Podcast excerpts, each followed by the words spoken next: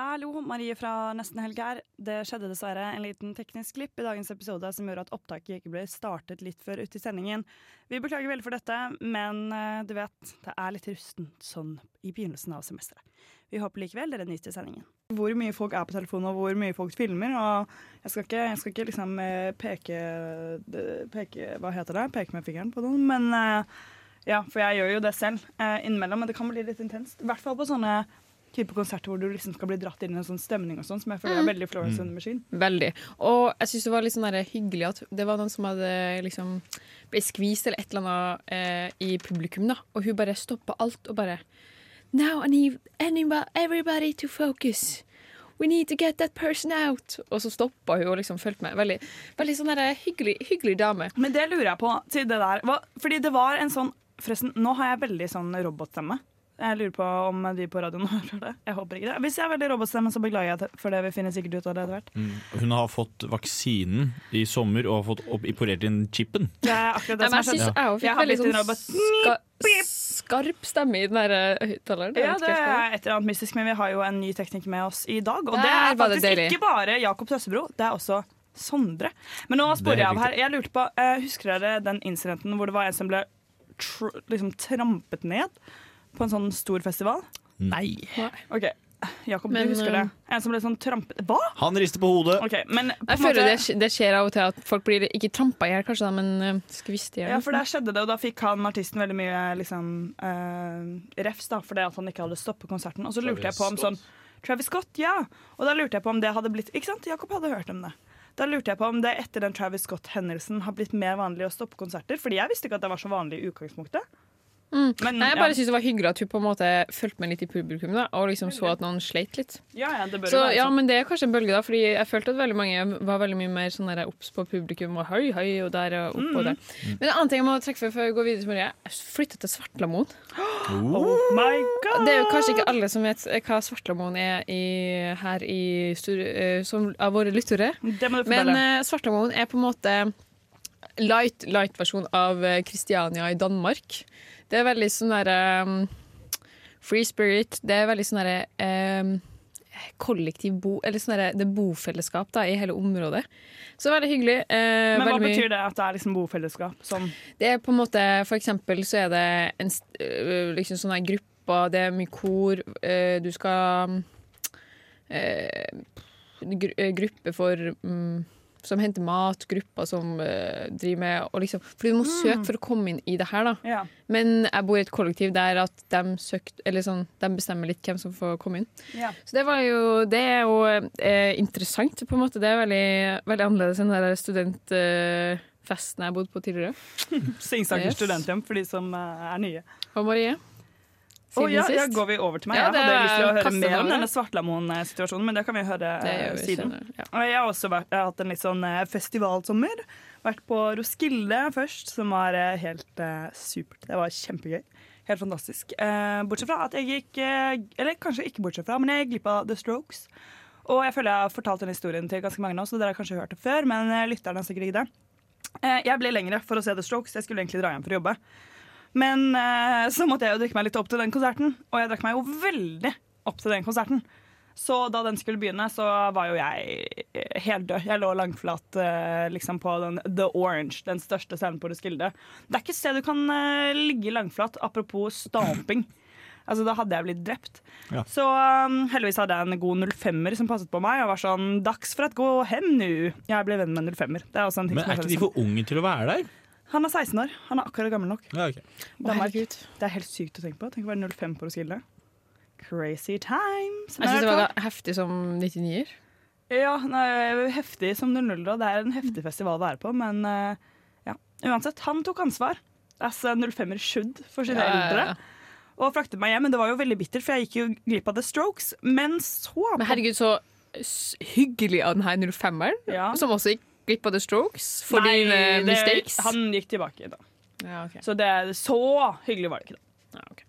Bare, bare for å ha det på dere. Altså. Jeg var ikke så snill. bare Herregud. eh, det må da finnes Nå får vi i der. Nå får vi ro denne. Men så var jeg på vei hjem fra Roskilde, og da hadde jeg på meg min eh, T-skjorte, The Strokes-T-skjorte, for jeg hadde rukket å kjøpe merch før konserten. Og så var det en som stoppet meg og var sånn Var du på The Strokes i går? Og så var jeg sånn Nei, det kommer meg ikke så langt, på en måte. Hun Sånn, det er bra, for det er den dårligste konserten jeg har vært på i hele mitt liv. For jeg skulle akkurat å følge opp med en, for Ja. jeg var jo på The Strokes. Ja, Det var jo helt Men på en måte um, ja Du ja, må fortelle åssen det var. ja, fordi de kom på scenen. Det tar litt tid før de, snak, eh, før de på en måte prater med publikum. Og det kom sent, da gjør det ikke? jo, kom det sykt sent. Og så, og så virker det som det er noe rart med lyden. Da. Det er bare sånn sykt kjipt at det er liksom avslutninga, og så Mm. er det tekniske ikke på plass, på en måte. Men det viser seg jo bare at de er jo fullstendig høy. Helt dritings. Han mumler bare i Men det, det kule var jo at han treffer på en måte tonene, men ingen hører hva han sier. på en måte Nei, det var det. Og han har sånne Så sånn- rants mellom sangene der det bare sånn derre Det ga ingen mening. Det var jo helt sånn komisk, egentlig. Ja, fordi Altså, jeg, synes jo, jeg har hørt det etter det. Jeg, jo på, jeg skulle jo nesten ønske jeg opplevde det, Fordi det hørtes jo helt absurd ut. Men hun, hun på toget var jo helt sånn Det var en helt forferdelig konsert. Den var karriereødeleggende. Verste jeg har sett i hele mitt liv. Mistet all respekt oh, for dem. Ja. Du bør være så glad for at du ikke var der, og det hadde ødelagt ditt syn på dem totalt. Og jeg var bare sånn Ja, for jeg er jo ingen fans. jeg syns det var litt sånn kult å se et skikkelig rockeband. Ja, ja, for det er jo det. Og jeg tror de er kjent sånn i utgangspunktet for å være litt douchebags. Men nå bare tok du det til en helt annen liga. Ja, fordi Hvis jeg hadde vært på konsert med Sting, da, som er den eneste personen jeg drar på konsert med over Ja, tida ja. For For han- tida. ja, Helt til han dauer, og han øh, liksom hadde gått ut der og vært helt sånn øh, Så hadde jeg også vært sånn Ja, nei, jeg tror det blir siste gangen, jeg. Ja, det er det. Fordi, men jeg tenkte på det sånn, Hadde jeg vært der, jeg hadde blitt dødsskuffa. Fordi en ting er sånn, ja, Hvis du ikke bryr deg så mye om liksom, artistene, men sånn wow, det skulle du ha PA3K liksom, for å være på den festivalen. Og det er jo Og det er sånn de du drar og ser, liksom. det- ja, det er det. Det er jo sånn et av de største trekkplasserne. For meg var det det viktigste bandet å se, egentlig. Så, men jeg knota det jo til for meg selv uansett. da. Men sånn sett er jeg nesten lettet for at jeg ikke var der. Så, men nok om det. nok om det. Jeg har også vært på Øya. Jobbet frivillig, sånn som Nora, som var veldig nice. Eh, jobbet i bar. God stemning. Fikk med meg en del konserter. Det som er så deilig med å jobbe med frivillige, er at da har du liksom ikke lagt så mye valuta inn i det. Så du kan bare se akkurat det. Veldig. Og da, da nyter man eh, festivalen bedre, for Ja. det der, liksom der, den derre sure 2500 svi, Det svir ingen plass i kroppen, liksom. Nei, nei, nei. Det, du har ikke betalt noen ting. Det er så deilig. Du kan bare få med deg akkurat så lite eller så mye som du vil, og det er bare så god stemning. Så det, må, det frister til gjentakelse, for å si det sånn. Og så kom jeg jo hjem her og var med på stereo. Det var sånn helt OK, gøy, hvis det er lov å si. Men jeg føler jo, no offense, at det er en litt oldis-festival. Ja, det er DumDum som spiller. Ja. Jeg, jeg hadde likt meg der! Du hadde kost deg der. Det var litt funny, da, fordi Girl in Red spilte der, og liksom hele hennes show var egentlig hun som hadde liksom standup for den eldre garde. Og jeg sto der med Jakob da, og bare var sånn OK, dette, dette er litt funny, fordi det, hun bare disser 50-åringer i liksom, hytt og pine, og så står jo vi der òg. Men de syns det var så morsomt, vet du. Ja, de syns De sto der og lo seg i hjel. De syntes hun var liksom et komisk geni. Og jeg overhørte til og med noen si Det så sånn. Herregud, for et show! Det der var jo ikke bare en konsert, det der var jo et standup-show! Og jeg var sånn wow! Ja, 50-åringer, de er trenger ikke en sånn derre eh, tanke Hva heter det sånn man gjorde på i norsktimen eh, på barneskolen? Sånn tankeskriv. De, må- ta, Hun ja, sier bare det hun tenker sånn derre Ja. Stream of consciousness. stream of consciousness. Var det det du var bare, bare som en person, da. Ja, Så hun jeg det. tenkte at de ikke syntes det var så lættis. Nei, de syntes det var jævlig lættis. Og hun var jo veldig søt. Hun er en veldig sjarmerende person. Men eh, ja. Ellers er det ikke så mye som har skjedd. Jeg har fått meg kjæreste, da. Vi skal Ja. tilbake til det. Jeg kaster ballen over til deg. Woo! Pung. Ja, nei, siden sist så har det ikke skjedd så mye. Det har jo, jeg har uh, kvitta meg med brennkoppene mine.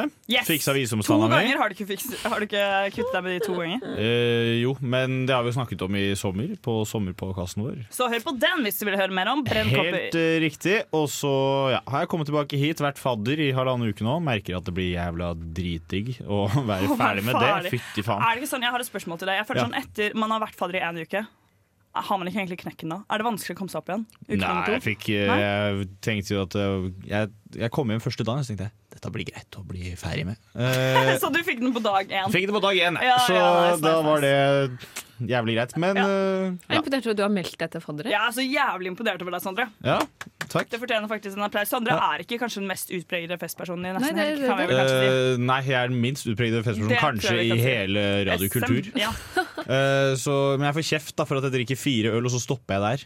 ja, Men det er bare fordi jeg har lyst til å ha en fin dag dagen etterpå. Og hvis jeg blir ordentlig full, Det sånn så blir jeg jævlig sur på alt og alle. Du var litt sur da jeg møtte deg her forleden. Hadde du vært ordentlig full dagen før? Når var det du Jeg møtte håper meg da? nesten det, for hvis ikke var det jævlig slemt av meg å si det nå. Men det Når var var vel i Når var det det var, Jakob? Det var nå sånn to dager siden. Hadde vært veldig full dagen før. Husker du da det var sånn Det der Nå bare er sier du ja. Sondre. Eh, Si ja. ja. Ikke tenk.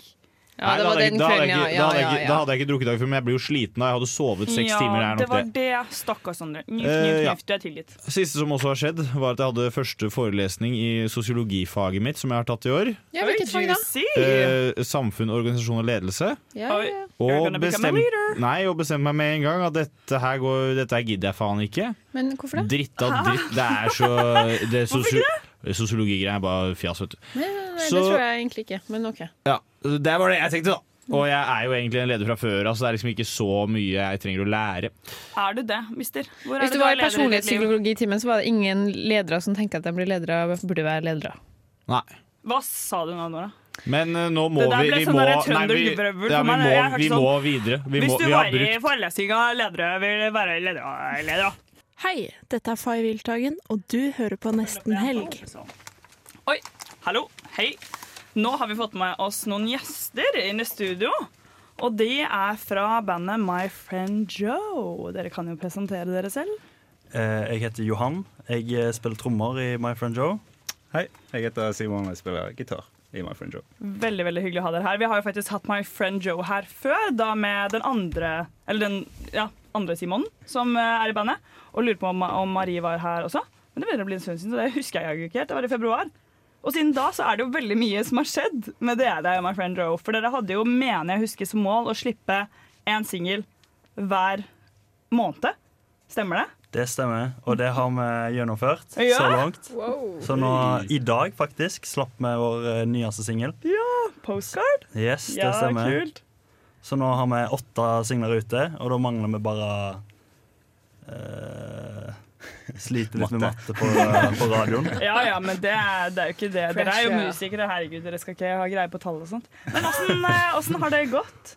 Åssen har det vært? Det har gått bra. Det, Ja. det var jo ganske sånn uh, spontan idé, egentlig. Uh, det viste seg å være mye mer jobb enn det vi hadde sett for oss. da Men uh, toget tuter i går, så det, det går fortsatt ganske bra. Ja, det er veldig, veldig imponerende. Og det var jo, altså, det var jo et ambisiøst prosjekt. Jeg ble veldig overrasket da jeg hørte det. Og så lurte jeg på, hadde dere skrevet alle sangene før? Eller var det sånn vi bare slipper en låt hver måned, og så bare satser vi på at vi finner på noe å skrive om? Jeg tror den ideen ikke kom før i sånn desember 20, Sånn desember før januar. når Og vi dere skulle- slapp den 1. januar? Ja. Oh, Nei, ikke 1. januar, men Nei. at den første låta kom i januar. Ja. Og så, det var sånn, Da hadde vi tre låter klare, tror jeg. Ja, Å, herregud. Ja. Men vi hadde Ja, laget sånn syv eller noe. Så det, Låtskriving er jo veldig sånn kreativt. Jeg føler sånn der, Man kan ikke bare presse gjennom det, eller Jo, Man kan jeg, det. jeg, jeg vil okay, påstå det. Altså. Ja. Ja, For når du har en deadline, og du har gitte rammer, så er det helt utrolig hva kreativitet du kan få deg sjøl til å gjøre. Vet du hva, Det digger jeg at du sier, Fordi jeg er litt lei av artister som alltid er sånn Ja, nei, det må bare komme til meg, og det må bare plutselig dukke inn i hodet. For jeg er sånn Nei, men hallo. Jeg, Den jeg syns det står litt masse. respekt av å liksom sånn Nei, nå skal jeg sette meg ned, og så skal jeg skrive en låt. mm. Det er jo litt sånn Hvis man skal drive med det, så kan man ikke bare vente på at det skal skje. Da. Nei, det blir, og det, Er man ikke litt lat da? Hvis man bare lar det komme til en, liksom? Altså, jeg tror, jeg tror ikke det handler om latskap. Jeg tror det handler mer om at Når du har en deadline, så har du ikke tid til å second guesse ting. Du må bare gi, via deg til den ideen som kommer. Det er litt sånn ah, OK, jeg har ikke tid til å tenke over dette to ganger, men bare gå for det. Mm. Mens når du, hvis du ikke har en sånn deadline, så, så er det liksom sånn ah, Var den lyden kulere, eller var den lyden ikke kulere? sant? Ja. Det er sant, så det er jo egentlig ja, Det er lurt å sette litt sånn frister for seg selv. Mm. Men har dere noen favoritter blant det dere har gitt ut nå? Den siste tiden? Oh, Det må dere nesten svare på hver for dere, da. ja, du du kan, du kan begynne, du. Jeg kan begynne. Uh, jeg har eh, Jeg uh, Det var en låt som jeg eh, ikke hadde tenkt så Jeg er ikke, jeg er ikke veldig god på å høre på tekst, da. Nei, men det er helt fair. Men så var det en låt uh, som uh, Den heter Ode to Sleepless, mm. Nights. Det var en trevislapp. Uh. Eh, og så hadde jeg ikke tenkt over teksten, da, og så begynte Marie å forklare litt hva det egentlig betydde. da. Uh, og da, begynte, da ble han liksom mye dypere, eller ble han mye mer meningsfull da, eh, for meg. da, Så da hører han på en helt annen måte nå. da. Så den eh, setter jeg pris på. da. Har du lyst til å dele litt av den infoen Marie ga til oss? Eh, det er kanskje ikke min eh, for meg å gjøre, da. Nei, OK.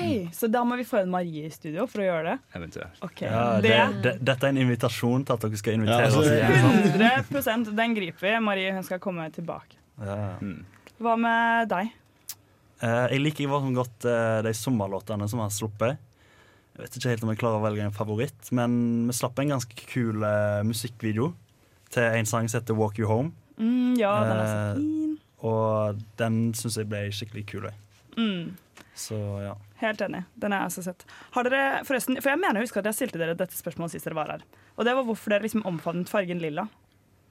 Vi har et bedre svar på det nå, Ja! faktisk. Ja, for nå har det. du også på deg en lilla genser Ja. uh, under. Ja, Det hadde jeg faktisk sist. Ja. Og Og lilla DM-er er de på. Instagram, så er det alltid lilla hjerter. Kan vi bare si at sokkene også er lilla? Det, Sokkene her er lilla. Det er også så lilla. gjennomført. matching game. Men Simon, hvor er din lilla estetikk? Det ligger i bagen eh, der vi skal spille, da. Så skifter jeg litt etterpå. Ok, Greit, det er lov. Det er lov.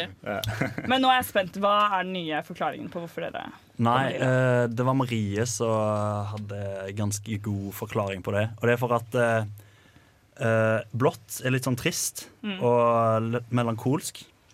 Og rødt er mer sånn livlikt og energisk. OK. Og, det, og kombinert så får du lilla. Og det er litt sånn musikken vår er. Det er litt sånn trist og melankolsk, men det låter ganske, ganske energisk og happy, egentlig. Ja. Selv om det kanskje har litt, litt mer Symboliserer nedstemte ambivalensen deres. Ja, Herregud, så, så nice. Det er dere og tidligere Justin Bieber altså, som går for fargen lilla.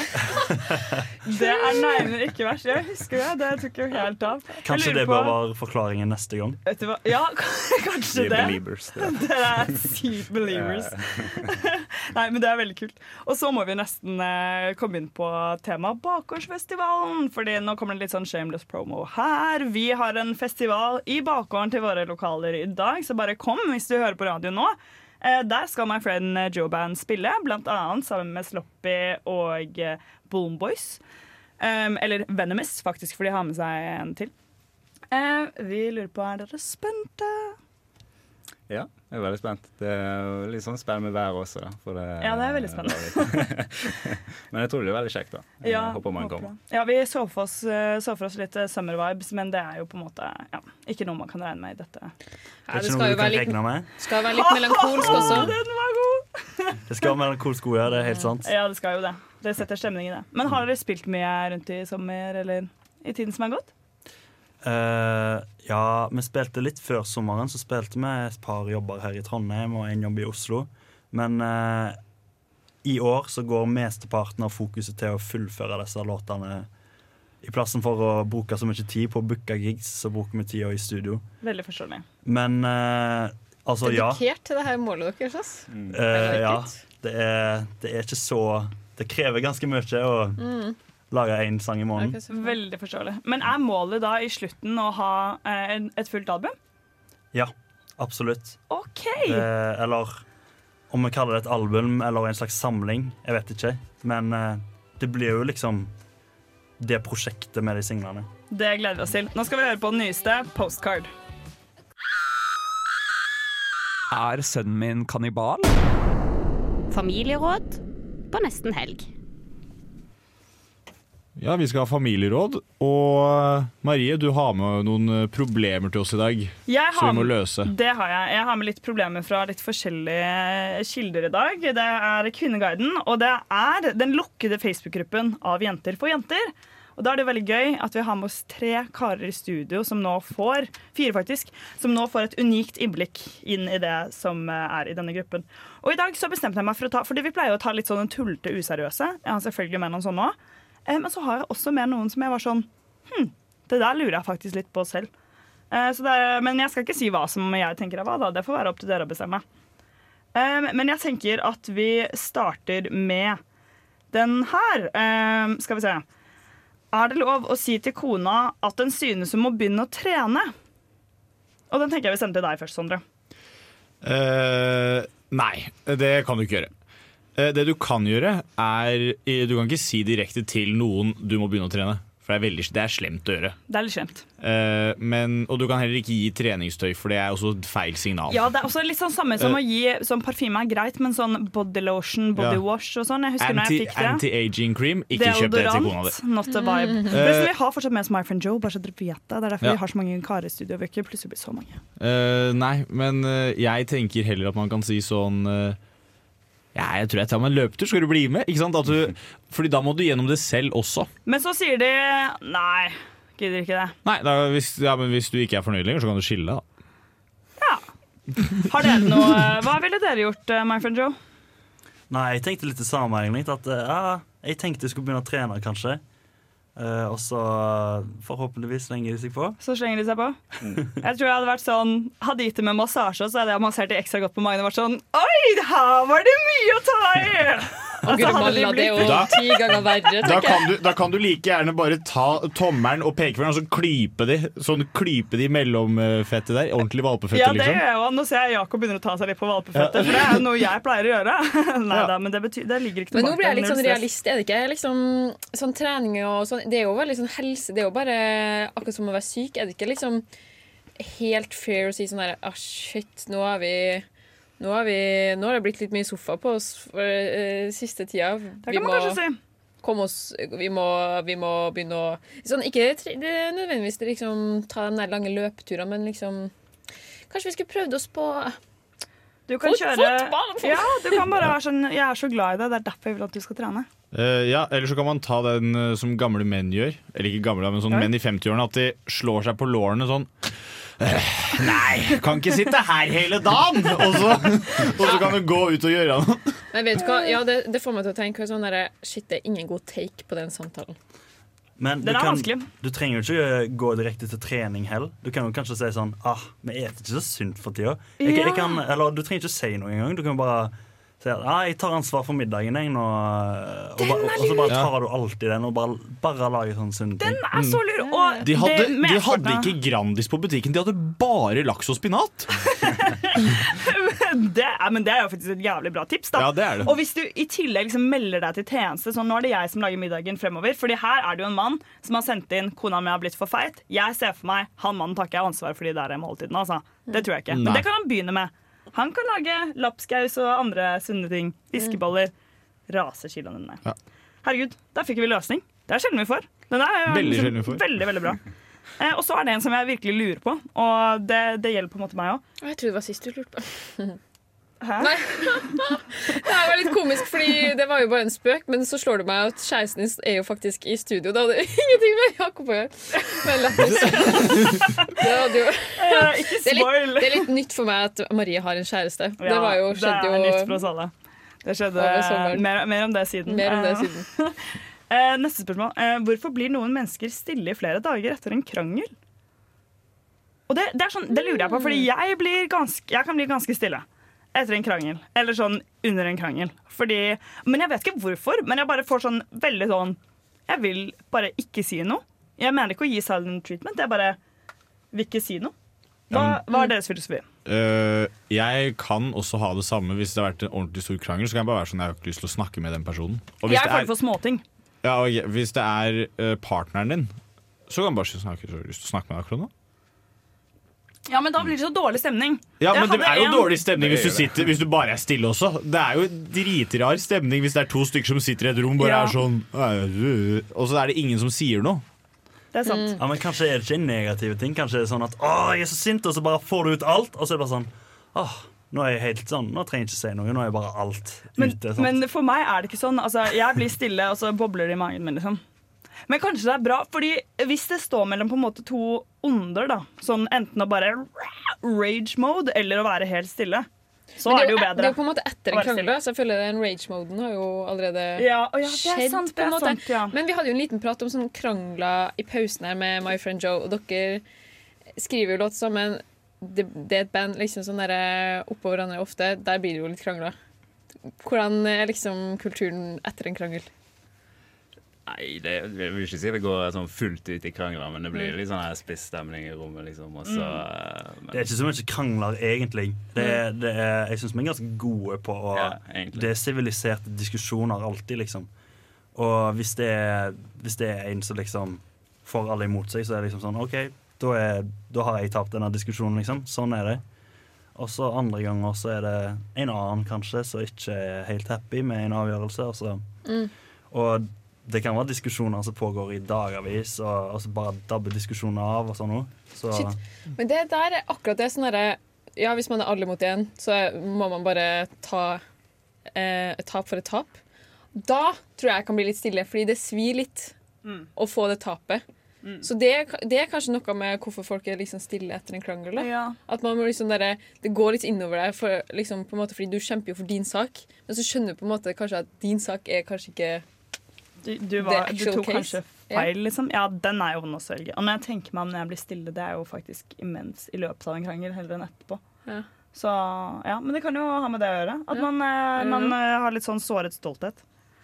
ja, kanskje hvis du er for opptatt av å vinne krangelen i plassen Ja. for å komme fram til en løsning, Ikke sant? så Men i My Friend Joe så er det en sunn krangle-slash-diskusjonskultur. det vil jeg påstå. Det er godt å høre. Det skulle One Direction eh, ha lært noe av. De hadde jo litt sånn, Det ble litt eh, amper stemning der på slutten, har jeg hørt. Eh, Men vi går til neste, og den her den eh, sender jeg til Astrid. Hvor treffer andre i Sandnes-området folk utenfor Tinder og bar? Astrid er jo ikke her. Astrid gjorde det i Trondheim. Men jeg føler Når hun fortalte om Sandnes, så var det liksom den morsomme baren. Så kanskje hun ikke vet. Kanskje hun ikke vet. Uh, ja, nei, Astrid er ikke her. Astrid er jo begravd. Ja, Du er begravet begravet sammen med rest Alvar. In, rest in peace. Mm, rest in peace. Det er faktisk veldig trist. Ligger, eh, hvis dere er på Nidarosdomen, og så går dere rundt Nidarosdomen på baksida der, på kirkegården, helt nede i hjørnet.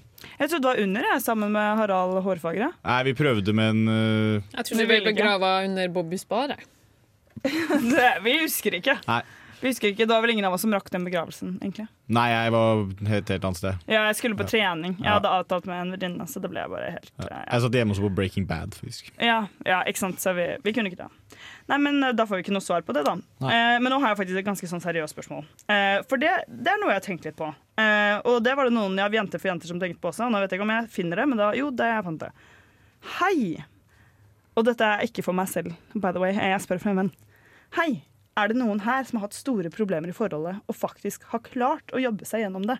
Jeg sitter her nå med seks års forhold som holder på å gå i grus, men jeg har så lyst til at det skal funke. Jeg er veldig lojal og virker ikke personlig til å kaste vekk en forlovelse og et partnerskap over små problemer. Men hvor mange problemer kan det være før det er nok? Og kommer det, eh, kommer det til å ordne seg? Er det håp? Og da ble jeg litt sånn Oi! Det, det, er sånn, det er et spørsmål jeg ikke har tenkt på før. For jeg tror jeg aldri har hatt et eh, forhold som jeg liksom har lagt merke til at nå går det i grus. Og nå må vi liksom igangsette en redningsaksjon. Og er det mulig når man har kommet til det punktet å redde et forhold, og i så fall hvordan? Dette er et veldig åpent spørsmål, så her må dere bare slenge ut. For det, dette er det sikkert mange som eh, setter pris på. At vi eh, i nesten helg som er så smarte og kloke og lærde diskuterer. Ja, jeg tenker jo at vi har jo My Friend Joe her som kom opp De har jo kommet opp med løsning på alle problemene. De er jo diskusjonsekspertene, så, Så, ja. vi må nesten bare kaste ballen. Det er de som har en sunn diskusjonskultur av eh, de menneskene i rommet. Ja, det er Så sant. Det er sant. Ja, altså Begge vi to er jo single, så vi er jo de beste personene dere kan spørre. Yes! sånn sett. Men, eh, og med det i baktanke, så vil, så vil jeg kanskje si at kanskje folk er for dårlige på å diskutere problemene når de oppstår. Mm. Og til slutt så blir det så mange at det er, det, det er umulig å løse det pga. det er så mange på en gang. Mm. Du må ta problemene med en gang de kommer, og så må du bare Det er det jeg føler meg god på i My Friend Joe. Vi tar dem med en gang når de kommer, og så bare diskuterer vi de ferdige, og så kan du ikke gå tilbake til den diskusjonen Mm. når du er ferdig med det, på en måte. Gir det mening? Ja, ja, og jeg føler veldig sånn Det handler om å sette en kultur for å prate om ting. Fordi liksom, hvis det er gått eh, ett år, to år, og så tar man ikke opp ting som bare bobler opp, så blir det bare så der snålt å begynne plutselig å snakke om ting man kjenner på. og Liksom. oh, når du gjør det, så blir jeg sånn liksom avvæpne litt sånne type ting å si, da. Men nå Ja. er jo jeg jo single, så jeg vet liksom ikke helt om kan man kjempe seg ut av de store tingene. Men samtidig så føler jeg at før i tida så gjorde man jo Det var litt mer sånn derre eh, uskrevet regler om at du liksom Du drev ikke og skilte deg så masse, på en måte. Og så levde de kanskje lykkeligere før, eller jeg vet ikke. Jeg vet ikke. Det, det syns jeg er så vanskelig å si. Fordi før, ja, de holdt jo sammen lenger, men fy faen så mye grums jeg tror de tillot seg å ha i de forholdene sine. Altså. Sånn, jeg vet ikke om det Jeg tror det var litt sånn on the surface level, så så det bra ut. Ja, altså, jeg vil jo egentlig slå et slag for noe annet her. Fordi Det vil du vel. jeg eh, er jo også singel. Herregud. Singelklubben. Ja, og jeg syns det er jævlig greit, altså. Så det er ikke det verste som kan skje. At man at, Oi, er der gikk, der gikk forholdet det, ja. mitt i vasken. Ja, men da kan du kanskje henge litt med deg sjæl. Finner ut at du er en helt OK person sjæl, liksom. Ja. Med mindre man er helt jævlig, da, og man innser det. Da Ja. har man et problem igjen. Når man skjønner at oi, I was the toxic one, Ja. da er det ikke noe gøy Nei, da bare henge med seg selv. Det tror jeg det er sikkert mange som finner ut av når de Mm. entrer eh, og aventrer holdt jeg på å si, et forhold. Men du, jeg, nå avsporer jeg litt her, men eh, Johan, nå hørte jeg Er du fra Stavanger eller Sandnes? Nei, det er mange som tror det. Ja, hvor er jeg, du fra? Jeg er fra Karmøy. Å ja. ja, fordi jeg var sånn I så fall måtte vi jo faktisk gå tilbake Ja. til det spørsmålet. Fordi jeg vil jo vite hvor man kan treffe folk i Stavanger. Og Men sånn. hvor-. Men hvor er det man kan treffe folk uh, I Karmøy. på Karmøy? På Karmøy. På Karmøy? Da må du til Haugesund. Ja. Så ingen folk Så kan ikke, på kan Karmøy? ikke møte noen der. Hvor mange bor på Karmøy? Eh, Jeg tror det er sånn 39 000. 40 000. Ok, det Ja, er, men- det, er så 40, hvis det er 40 du- 000 mennesker, og du kan ikke, det er ikke ett sted hvor man kan møte folk. Jo, det er det. Det er en plass som heter Ovenpå, så er Kopervik. Men Karmøy er liksom Det er hele øya, liksom. Ja, det Ja. er, Det, det er ganske stort i areal. Så hvis du skal til en sånn, et kulturliv, liksom, så går du på byen enten i Kåpervik, på Karmøy eller i Haugesund. OK. Så hvis denne personen er fra Sandnes eller Karmøy, da må du jobbe deg gjennom de her problemene. ja, det er sant. Da kan du ikke bare hoppe over til neste person, for det er ikke sånn jævlig mange å velge mellom. Det er ikke det, vet du. Da kan man eh, prøve. Men jeg synes det var et godt tips. det Johan kom med. Prøv å ta liksom, de små problemene når det kommer. Og så føler jeg hvis det har liksom eh, sånn, fordi Du snakket også om at sånn, hvis det er et veldig gammelt lite problem, eller noe sånt, så er det kanskje litt dumt å ta det opp. Jeg føler problemer har, har en viss utløpsdato, kanskje. Men jeg ser for meg det kunne jo vært litt hyggelig å liksom skrive ned alle problemene på et ark. Hyggelig, det var feil ord, merker jeg nå. Men skrive opp alle problemene på et ark, og så bare gå gjennom det litt sånn systematisk. Ja, Er ikke det en god idé? Så er man sånn, ok, ja, ja. du, nå tar vi en halvtime der, og så brainstormer vi alle problemene vi har i dette forholdet. Ja. Og så setter vi oss ned, vi snakker om det, og så får vi se om det funker Jeg støtter etterpå. veldig å være Ja. veldig objektiv for noe sånn, som er veldig sårt. Fordi da bare liksom blir man ikke så oh, oh. Ja, og så ser jeg for meg at det er deilig å ha noe som er litt sånn konkret fysisk, Ja. sånn problemene står på et ark, istedenfor at du må liksom sitte der og komme på ting og liksom er sånn ikke klarer å sette ord på ting og ikke klarer å huske helt, rett og slett. Sånn. Da kan du bare, og hvis du føler at du har løst det problemet, så er det veldig tilfredsstillende å bare sette en strek over det. Bokstavelig talt. Det syns jeg var en veldig god øh, løsning. Takk til my friend Joe, som har øh, kommet hele veien fra bakgården vår for å være på intervju her. Og du som lytter må komme hele veien til Singsakerbakken 2E, for der skal de spille i vår bakgård på helt gratis klokken seks. Ja. Bak pizzabakeren. Bak pizzabakeren, vi si. Yes. Vi skal uh, høre en låt, vi. Vi skal høre Why Go Quiet av Sara Fjellvær. Cover all 9,000 taste bud. Aerate it. Warm it up. Driving up that top note. That cream. Pure vanilla. Sweeteners. Mm, that's a 10. Vi er øh, tilbake her, vi, uten my friend Joe. Men øh, vi skal smake på noe mat, vi, Nora. Du, det skal vi. Vi er jo i um, matspalten til neste helg, og jeg og Marie var jo eh, innom uh, Our Local bunnpris før sending. Raska med oss eh, noe greier. Og vi var helt sånn derre fascinert av chipshylla om dagen. Det er så mye greier ute og går. Det er nyhet på nyhet, krydder på krydder. eh. Eh, Så vi har funnet med oss noe spennende her. Vi, skal sta vi har faktisk to matnyheter. Chipsnyheter. Ja. Vi starter med Maries, uh, med? Maries eh, pick of choice. Okay, vi har en mest, den mest normale, kan Mest vi si da. normale, litt ASMR først. Ikke mer. Nei, ikke mer, ikke mer enn det. Jeg blir dårlig av de greiene her. Altså. Dette her er, eh, det er en nypotet, står det på den, og så er det kantarell, hvitløk og chili. Det Jeg liker, at, jeg liker at nå har de begynt å lage potetgull av forskjellige typer potet. Ja, det er liksom at de freshe, Å, i dag har vi nypotet! Hva er det de har brukt før, da? Har de brukt Asterix, liksom? Hva er det de driver med? Ja, hva for noe Jeg tror han bare føler at uh, alt nytt selv. Uh, her Det godt hende. Jeg tar en neve Det jeg. tar en neve neva, det jeg. Ja, ta litt sånn, Man må jo ta mer enn ett flak. Ja. Eh, teknikeren må jo også få noen eh, chipos der borte. Så lenge Ok, han er med på å rate litt. Sånn. OK, vi smaker. Litt ASMR inn i øret ditt. Am. Jeg merker ikke noe kantarellsmak Jeg har jo ikke spist kantarell, da. Det er jo Problemet mitt er at jeg, det er ikke en jeg sopp jeg det. spiser. Ja, men ja. Det er nesten litt som en sånn sour cream-smak. Å ja, er det, er det det der? Fordi da, da smaker jeg kantarellen, men eh, Det smaker nok kantarellen. Du gjør nok det. Oi, skal vi ta en runde på den, eller? Ok, Nora må ha litt mer. Jeg må bare si sånn initial reaction. Jeg syns den var jævlig digg. Ja, det var dritdigg, ass. Var Den her kan du gå og kjøpe den nypotetgreia.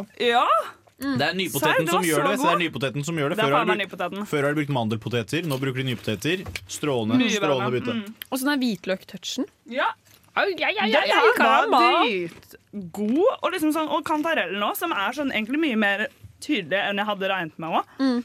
Det var, men ikke på en kvalmende måte i det hele tatt. Den var skikkelig digg. Ja, og så nå i sånn fadderperioden så føler jeg sånn derre Ofte må man bare ta litt chips som en sånn derre halvparten av en middag, fordi det ble bare brødskive rett før. Og det, da er det litt kjipt å presse seg sånn salt uh, Coop-blikk, Så her føler du Ja. nesten at du har en liten middag i chipsposen din. Ja, det er det. det er, eh, ja, den var helt nydelig. Uh, hva med deg, tekniker? Hva, hva vil du si om denne potetgullen du fikk smake på? Eh, Jeg syns den var veldig god. Ja? Men så eh, etter å ha hørt liksom alle de forskjellige smakene den skulle ha, så syns jeg den smakte litt lite. da Den smakte litt lite chili, i hvert fall. Synes jeg. Ja, Men eh, den var ikke så spicy. Det var den ikke. ja, jeg kjente heller ikke så godt den chilismaken. Men den var veldig god. Det var den. Ja. Men jeg ble litt skuffet etter å ha sett på pakken. Ja, OK. Ja, så chili kunne man ha spart seg ved å skrive på. Ja, det er jeg med. Men jeg vil jo slenge inn som en person som ikke er så glad i sterkmat, at jeg satte veldig pris på at Enig. chilien var fra hverandre. Ja, fordi jeg Den stressa meg litt. ja, fordi, fordi hvis jeg bestiller mild kebab, så syns jeg den er sterk. ja, word. Og da syns jeg det var dritdigg at det ikke var eh, At det ikke var så mye At den ikke var noe sterk. Men teknikeren han er en sånn som liker det. Han Ja. er en sånn som har jalapeño på brødskiva. liksom. Ja, men det er også fordi teknikeren liker Han liker det når han må sitte og svette mens han spiser middag. Det er det. Han er fan av det. Ja, Og jeg syns det er behagelig å spise middag uten å bli unødvendig varm. Enig uten å bli unødvendig våt Altså, Ja. Vi, er- vi er bare sånn type folk, vi, da. Ja. Men han om det, han Det om er det. bare sånn vi er, da. Det. Vi er litt rare, vi. Vi må rulle av gårde til neste chipspose. Yes, please! Okay. Jeg bare står her og spiser litt imens. Ja, det er så innafor. OK, en trommevirvel. Hockeypulverchips! Nei! Altså sånn, what the fuck? Jeg sa til Sondre når jeg kjøpte den her, altså bare Matnyten her, du kom til å ta Jeg, jeg bare tenkte what the fuck? Er ikke det Jeg, helt jeg sykt? tenker ikke what the fuck, jeg tenker what the fuck the fuck. What the, what the frick, the frick, the frick? Ja. Jeg er nesten litt sånn Jeg er jo, jeg er jo så fan av um, Ja, vi kan ha en liten intro her òg.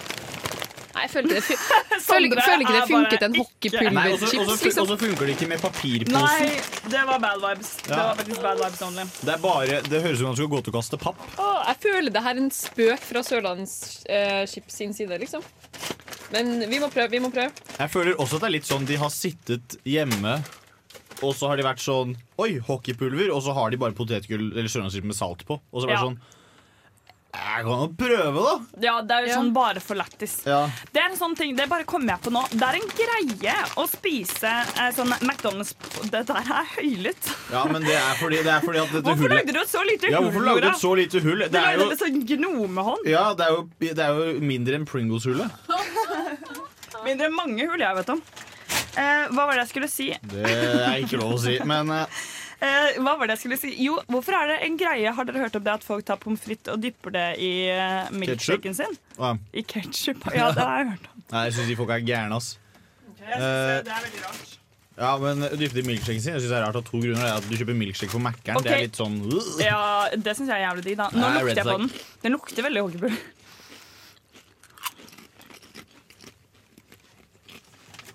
Det er ikke det dummeste jeg har smakt. Ikke se- Det er Same. fa faen ikke dumt, det greiene her.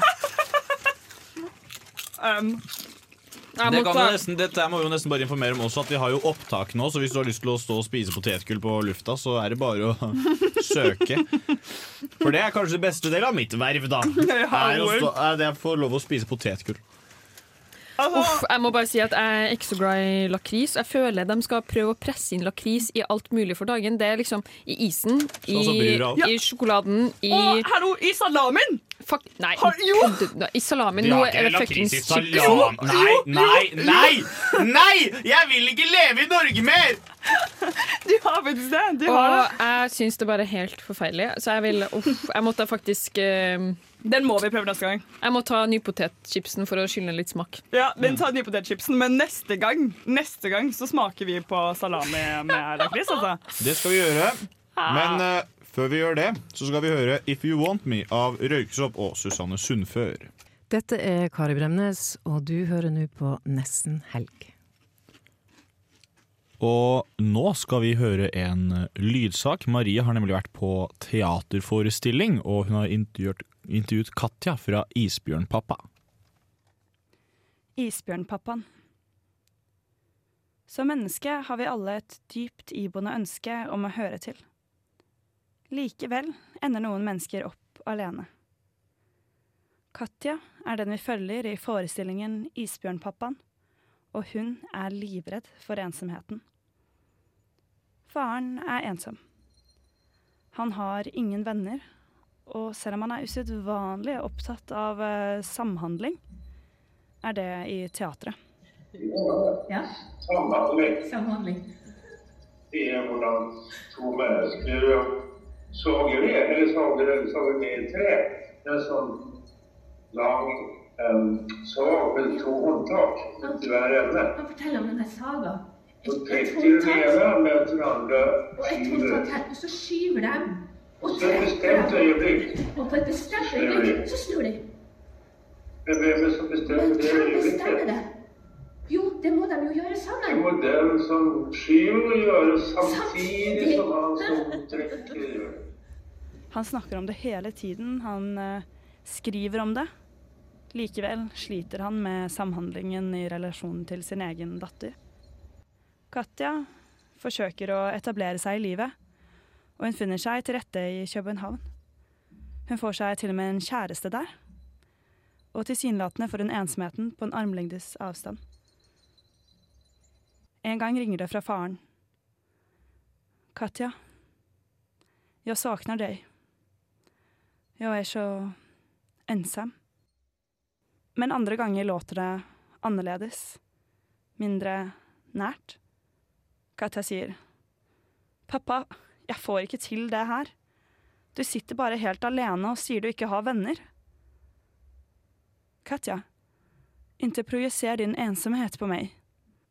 Katja plages av faren som er så mutters alene. Ensomheten hans henger over henne som en skygge. Isbjørnpappaen er en fortelling om en datter som forsøker å oppnå emosjonell nærhet til sin far. En far som egentlig minner mest om en isbjørn. Som lever på et isflak for seg selv, men som noen ganger søker nærhet. Men oftere skyver det unna. Katja, hun vil være en polarheltinne. Hun vil mestre det å bevege seg i isbjørnens habitat. Men isbjørner er farlige dyr. Særlig isbjørnpappaen. Han kan forsøke å drepe isbjørnbarna for å få moren. Isbjørnen er kompromissløs og ekspert på å svømme gjennom emosjonelt farvann. Pappa, elsket du meg? Nei.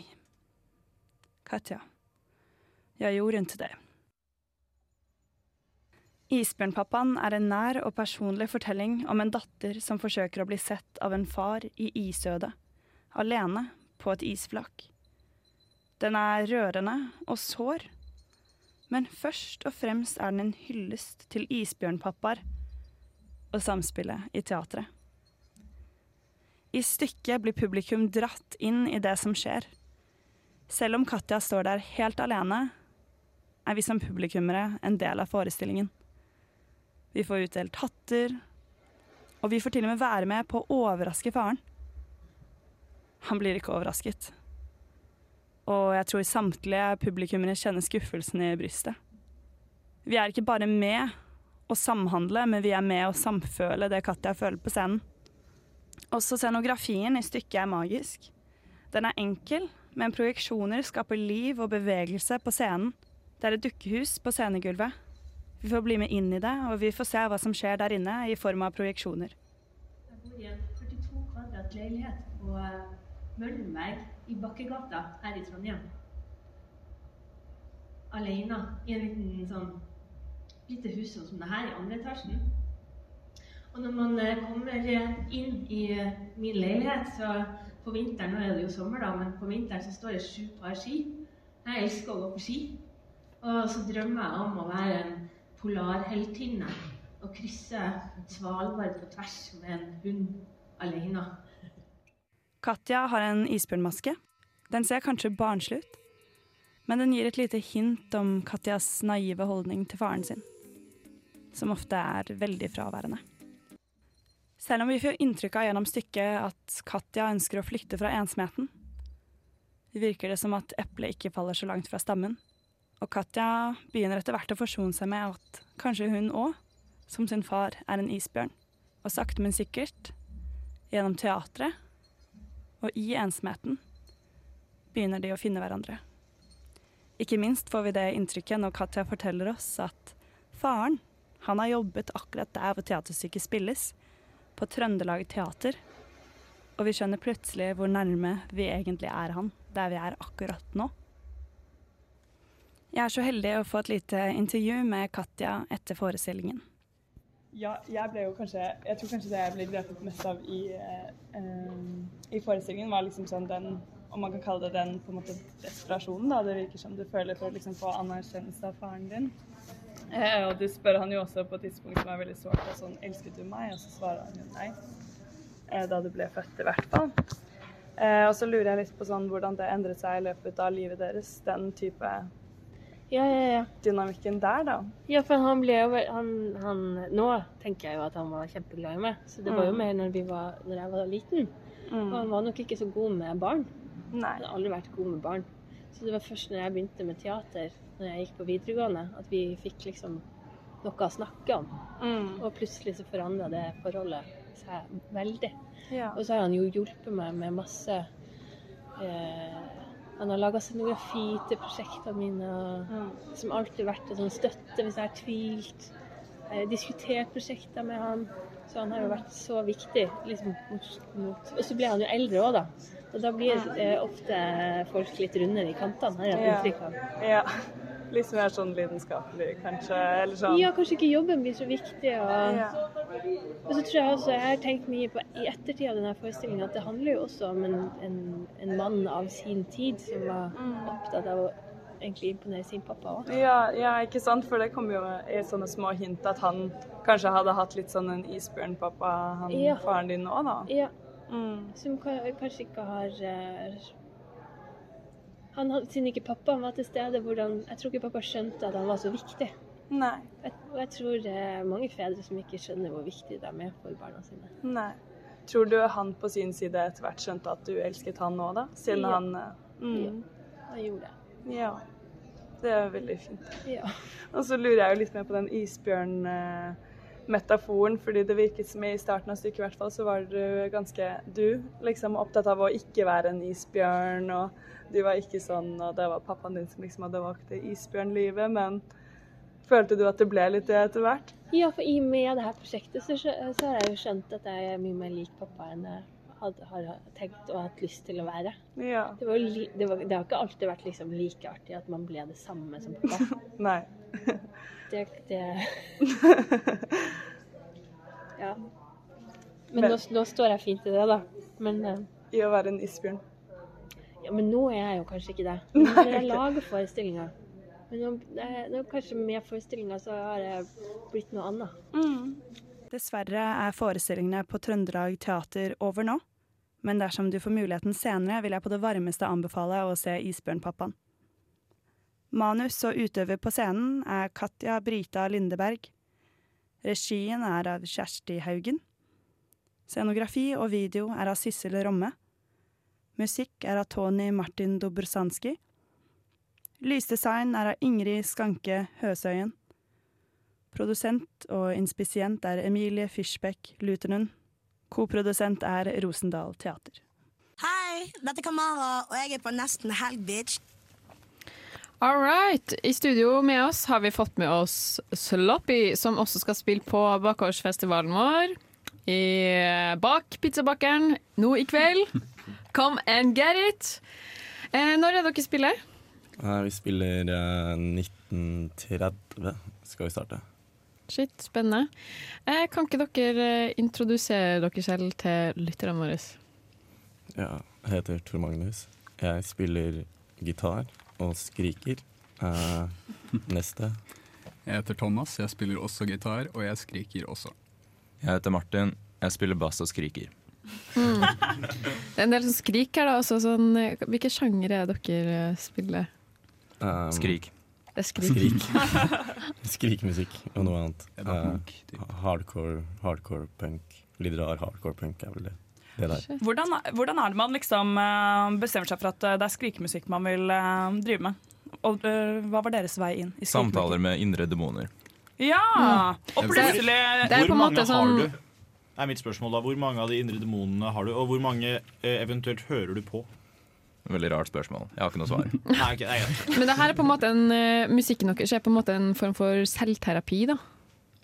Ja, det er vel eh, Det stammer fra mye sinne fra ungdomsskolen, vil jeg si. Ja, ja, ja. Mye pent up aggresjon. Shit. Navnet Sloppy, kommer det også fra? Det her er, er det en, en av de her indre demonene, kanskje? Nei. Eller, nei. Det er de kommer av- ytre. de ytre. De ytre demonene. Nei, det kommer av å um, Hvis du spi- sier at noen spiller ikke nødvendigvis dårlig, men spiller på en måte ikke helt perfekt riktig, så kaller man Mm. det sloppy. Så folk pleier å kalle trommisen i eh, Led Zeppelin, John Bonham, sier at han spilte sloppy, for han spilte liksom ikke helt perfekt. Så er det navnet kommer fra. Og så må man huske at det er et punktum på slutten som ikke har noen ting med at det er et band som heter Brenn med punktum på slutten, men fordi alle meldinger jeg sendte til chatten vår, endte med punktum. Fordi jeg er veldig god på tegnsetting i meldinger. Så alt, alle meldinger endte med punktum. Så derfor ble det punktum på slutten av navnet. For Men det var dessverre ikke de som lagde de plakatene. De var ikke så gode på tegnsetting. Så Sloppy på alle Bakgårdsfestivalen-plakatene. Der står det uten punktum. Så for Noen den- må komme seg ut med den tusjen og få retta på komme seg ut med den ja. Men Hvilket band er det? Ja, Hvilket band er Sloppy uten punktum? Jeg vet ikke. Aldri hørt om det. Aldri hørt om dem. Hva spiller de? Jeg vet ikke, De spiller sikkert sånn der blues eller noe, tror jeg. Jeg hørte, jeg hørte faktisk på en konsert med dem, og de spiller klassisk musikk. De spilte jævlig sloppy, i hvert fall. Hva slags klassisk musikk? Type barokk? eh, romantisk? Er det liksom, er liksom en, er en trio? Kvartett? Ja, det var en kvartett der. Det er strykekvartett. Strykekvartett? Ja. Men det må jo være litt deilig da å gå inn for å være sloppy. på en måte Det skal ikke være sånn on point hver gang. Mm, ja, men det er vanskelig, for jeg er så jævlig god nå. Ja, så det er vanskelig. Ja, det sitter for bra Ja. liksom er til å være sloppis Ja, det blir perfekt hver gang, så egentlig så er det bare sånn Ah, ja, ja, ja, ja. Jeg prøvde jo, å- Dere har jo, er jo selverklært eh, det beste bandet i eh, verden, stemmer det? Nei, det er Def Banga Banga. De har, de har selverklært det beste bandet i verden. Ah, ja, jeg snakka okay. med dem for en uke siden. De er det selverklært beste bandet i verden. Okay. Det er ikke vi. Uh, vi er selverklært um, uh, det, Hva var det? Uh, Vi har i hvert fall Det var et eller annet sånn kan, Sloppy er Norges, med noen unntak, beste band. Det jeg i hvert fall vet, er at eh, albumet vårt, 'Din egen feil', er 2021 sin mest definerende plate. Oh my god. Shit. Go det hard er, and go nei, home. men Ja, ikke men jeg syns det er veldig forfriskende med noen som bare står for eh, det de lager. Altså sånn, Hvis man skal slå seg opp, så må man kanskje bare Ja, skal ikke være noe jantelov i sloppet. Eh, men nå skal dere spille på Bakgårdsfestivalen. Og det er jo selvfølgelig en kul og stor festival som eh, de aller fleste har hørt om. Men eh, har dere liksom noen eh, ambisjoner om hvilke festivaler dere vil spille på i fremtiden? Hvis dere ser for dere karrieren deres som skyter fart nå de neste årene. Jeg regnes Eurovision som en, uh, som en festival. Ja. 100%. Jeg tenker, En dag. tenker at Woodstock 99 hadde vært kult å spille på. Ja. Den har vært Jeg, jeg har lyst til å spille på Forgårdsfestivalen. OK. Hvor, eh, hvor er Forgårdsfestivalen? Andre sida fra Bakgårdsfestivalen. Ja, ja, ja, bare utover. Vi spiller, spiller utafor bunnprisen. Spiller utenfor bunnprisen. Ja. Nei um, Men vi har Kanskje vi, få med seg tikronerstilbudet på sommerslangen. Det er bra tilbud. Faen meg jævlig bra tilbud. Det er ikke like bra som eh, Kan ikke gå glipp av det, det er jo ti kroner! Jo, det er noe, noe som er bedre. Pølsefest på Narvesen. Pølsefest på Narvesen er de beste dagene i året. Når det er bacon og ost. Den koster bare 20 kroner. Alle Det pølser koster 20 20 kroner. Det er så sykt digg. Jeg elsker at de hadde det. Det er jo helt Ja. jo, jo, jo, Jo, har det noen uker, så er det pølsefest på Narvesen. Og Mm. da kan du kjøpe hvilken pølse du vil for 20 kroner. Han er snakker sånn- om pølsefest på Narvesen. Det er verdt å få med seg. Ja, Kan ikke vi få til en sånn derre uh, Sloppy Narvesen-collab? Sånn at dere spiller på Narvesen, og så får man pølser. Da får jo dere masse nye lyttere også. Nei, fuck Reitan, ass. Å ja, fader, ha, ha, han, eier han Narvesen òg? Ja. Guri det visste jeg ikke. Men er det noen collabs eh, dere eh, ser for dere i fremtiden? Slash. Slash. Du, har- det var det, har, det har du straight away. tenkt på lenge. ass. Den kommer Ja, den rett ut av kom- blokka. Guts. Eller var det input? Jeg har ikke noe mer å si. Jeg har lyst til å spille med Slash. Jeg. Du har lyst til å Ja. spille med Slash? Eh, Ingen andre. Hva med dere andre, da? Eh, ja, jeg vet ikke. Det har vært kult. Jo, jo, jo, Ole Paus, ass. Ole Paus. Ole Paus. Altså, jævlig spille med Ole Paus. Vil dere høre Ole Paus skrike? Ja, altså, du, og det er en låt er Ole Paus hvor han skriker så sjukt. Altså, han kan skrike mye bedre enn alle oss. Altså, låta eh, Hva er den heter igjen? Eh, alle sopere har et hjørne i himmelen. Ja, Den er dritbra. bra Og den bare tar av, Det er og han bare Da skriker han. Aldri hørt et så gutturalt skrik noe annet sted enn den låta Ole Paus. Så jeg har bare jævlig lyst til å spille med Ole Paus. Jeg vet Motorsag allerede har gjort det, men vi kommer til å gjøre det mye bedre. Det er gøy at du sier, fordi folk som er inn i skrikinga, som dere åpenbart er, og som jeg åpenbart ikke det, er- jeg, visste, jeg tenkte ikke på at det liksom man kan være god på skriking, samtidig som man kan være god på liksom på like linje som man kan være god på synging, kanskje. Eller tar jeg feil? Nei, det finnes vokalteknikker og sånn. Ja, det gjør det. Ja, det har ikke vi. Nei, Nei. ingen oss. Dere kjører freestyle. Ja, vi ødelegger stemmen vår. Jeg ødela stemmen min på lydprøver nå i stad, liksom, så jeg er spent på hvordan giggen går, egentlig. Ja, fordi dere må kanskje ha en sånn dag eller to etter en konsert da, for å bare reloade litt etter alt den derre Ja, ofte en dag eller to som liksom Jeg kan ikke spille to gigger eh, på rad, liksom. Ja, det, har sjelden, det, det har sjelden vært et problem, da. Det har ikke skjedd noen gang. Nei. Mm. Nei, går det er ikke det går ikke så bra med bookingen for tiden. Det er, men det er av korona. Korona har jo Ja, ja, ja. allting. Herregud, er- herregud. er Vi snakka litt om det, jeg og Marie i stad, fordi Maria fikk frastart en genser. Jeg har sett veldig mye sånne oppslag om stjålne sko. Altså sånn, Folk har lite penger for tida siden prisene stiger, så um, dere skal ikke ta det her for tungt. Sant, altså get rich. Mm. Men kan jeg spørre et spørsmål angående stjeling? Um, når man stjeler noe uten å mene det, er det moralsk feil fortsatt? Det er interessant å si. Er det et Bose-headset du har en talsen der? Nei. Nei. Det er Best. Det er ikke, Best det er, det er ikke stjålet. Det er ikke stjålet. Marie, tenk- Det er ikke Fordi- Men hvis du våkner opp med noen andres genser når Jeg trodde kommer du skulle si hvis du våkner opp med noen andres dame. Ja, det er jo umoralsk. Men, nei, men uten at du vet det. Uten at jeg vet Hæ? det, ja, da er det ikke umoralsk. Ikke sant? Ja, OK. Ja, men, men jeg syns faktisk det er eh, Jeg stjal i sted. Jeg skulle- Uten at jeg visste om det. Jeg hadde litt lyst til å let you out there, men si eh, jeg visste ikke om du ville jeg si det. Skulle, nå håper jeg ingen hører på, jeg bare sier ikke hvilken butikk det var. Jeg skulle kjøpe noen ting i en butikk, eh, og så kjøpte jeg meg en svær, feit klase druer. Og jeg hadde ikke betalt for dem. Men så hadde jeg jo allerede gått ut og hadde litt dårlig tid, så jeg tenkte at da var det gratis. Og jeg gjorde det jo ikke med vilje. Og det er jo på en måte self-checkoutens eh, skjebne, at man må stjele ting innimellom. Kan jeg spørre om et spørsmål til? Ja. Eh, har du et godt forslag til vårt neste album sitt navn? Hva skal Um, neste albumet vårt hete? Har det et bra albumnavn? That's a steal. Um, ja. Det, det syns jeg var bra. Jeg tenker en sånn en, en eller annen innvoll. Um, Tynntarm. Tynntarm. Blind- Tynntarm. blindtarm? Blindtarm, det er gøy. Jeg bare føler sånn, Når man skriker, så ser jeg for meg at noen skriker opp eh, innvollene sine. Ja, det er sant. Livet er en blindtarm. Og det er også litt sånn punktet med det her heslige, Jeg tror det er eh, et fint uh, tidspunkt å avslutte på. Livet er en blindtarm. Nå skal vi høre Sloppy med dårlige kort. Og da skal vi høre Fragile av Sting.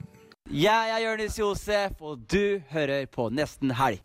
Det gjør du, og nå skal vi høre et intervju som Marie har gjort med Edvard fra Honningbarna. På torsdag i Storsalen på Samfunnet så skjedde det noe jeg tror veldig mange studenter har sett frem til, og det var konsert med Honningbarna! Og jeg var så heldig at jeg fikk lov til å intervjue vokalisten.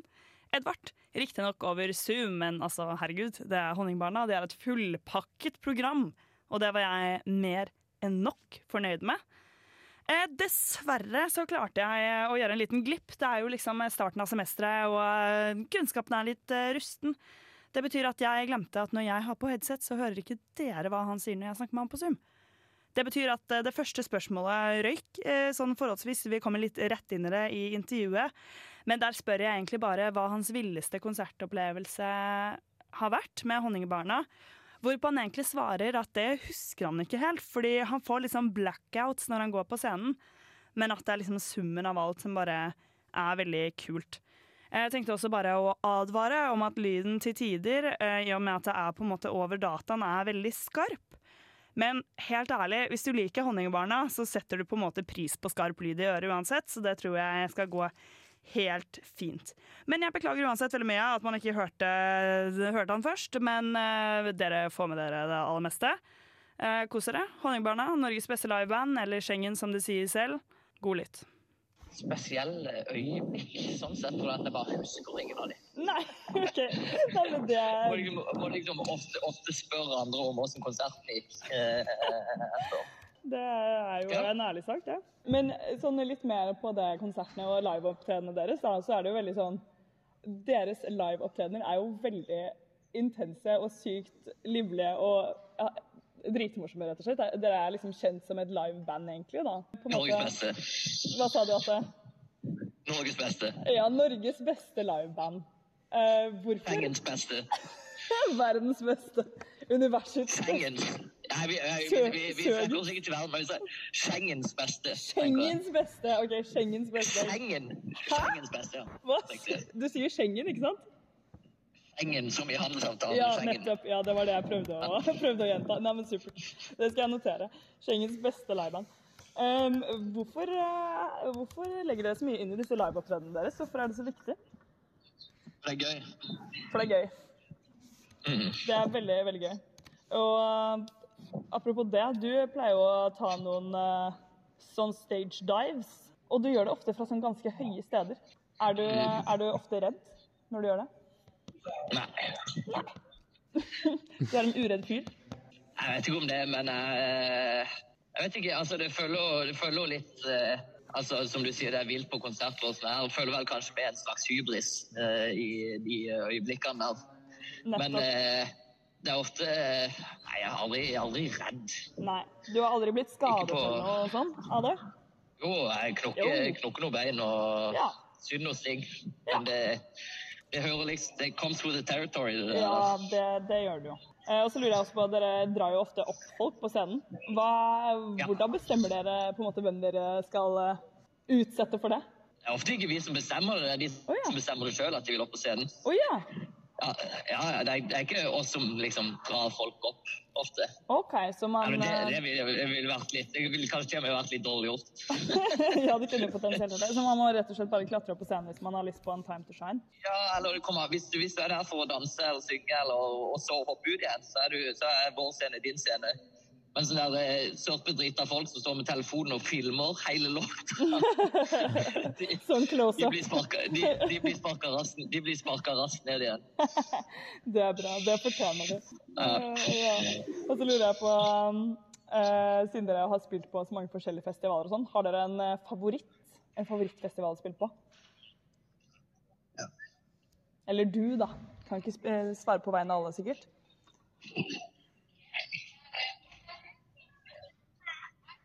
Hører du meg? Jeg hører det, jeg bare tenker. OK. Eh, favorittfestival Jeg kan jo minne deg på hvor du har vært, og du har i vært på Øya og Roskilde og Slottsfjell og litt sånn forskjellig, hvis, det går- hvis du får Ja. en blackout.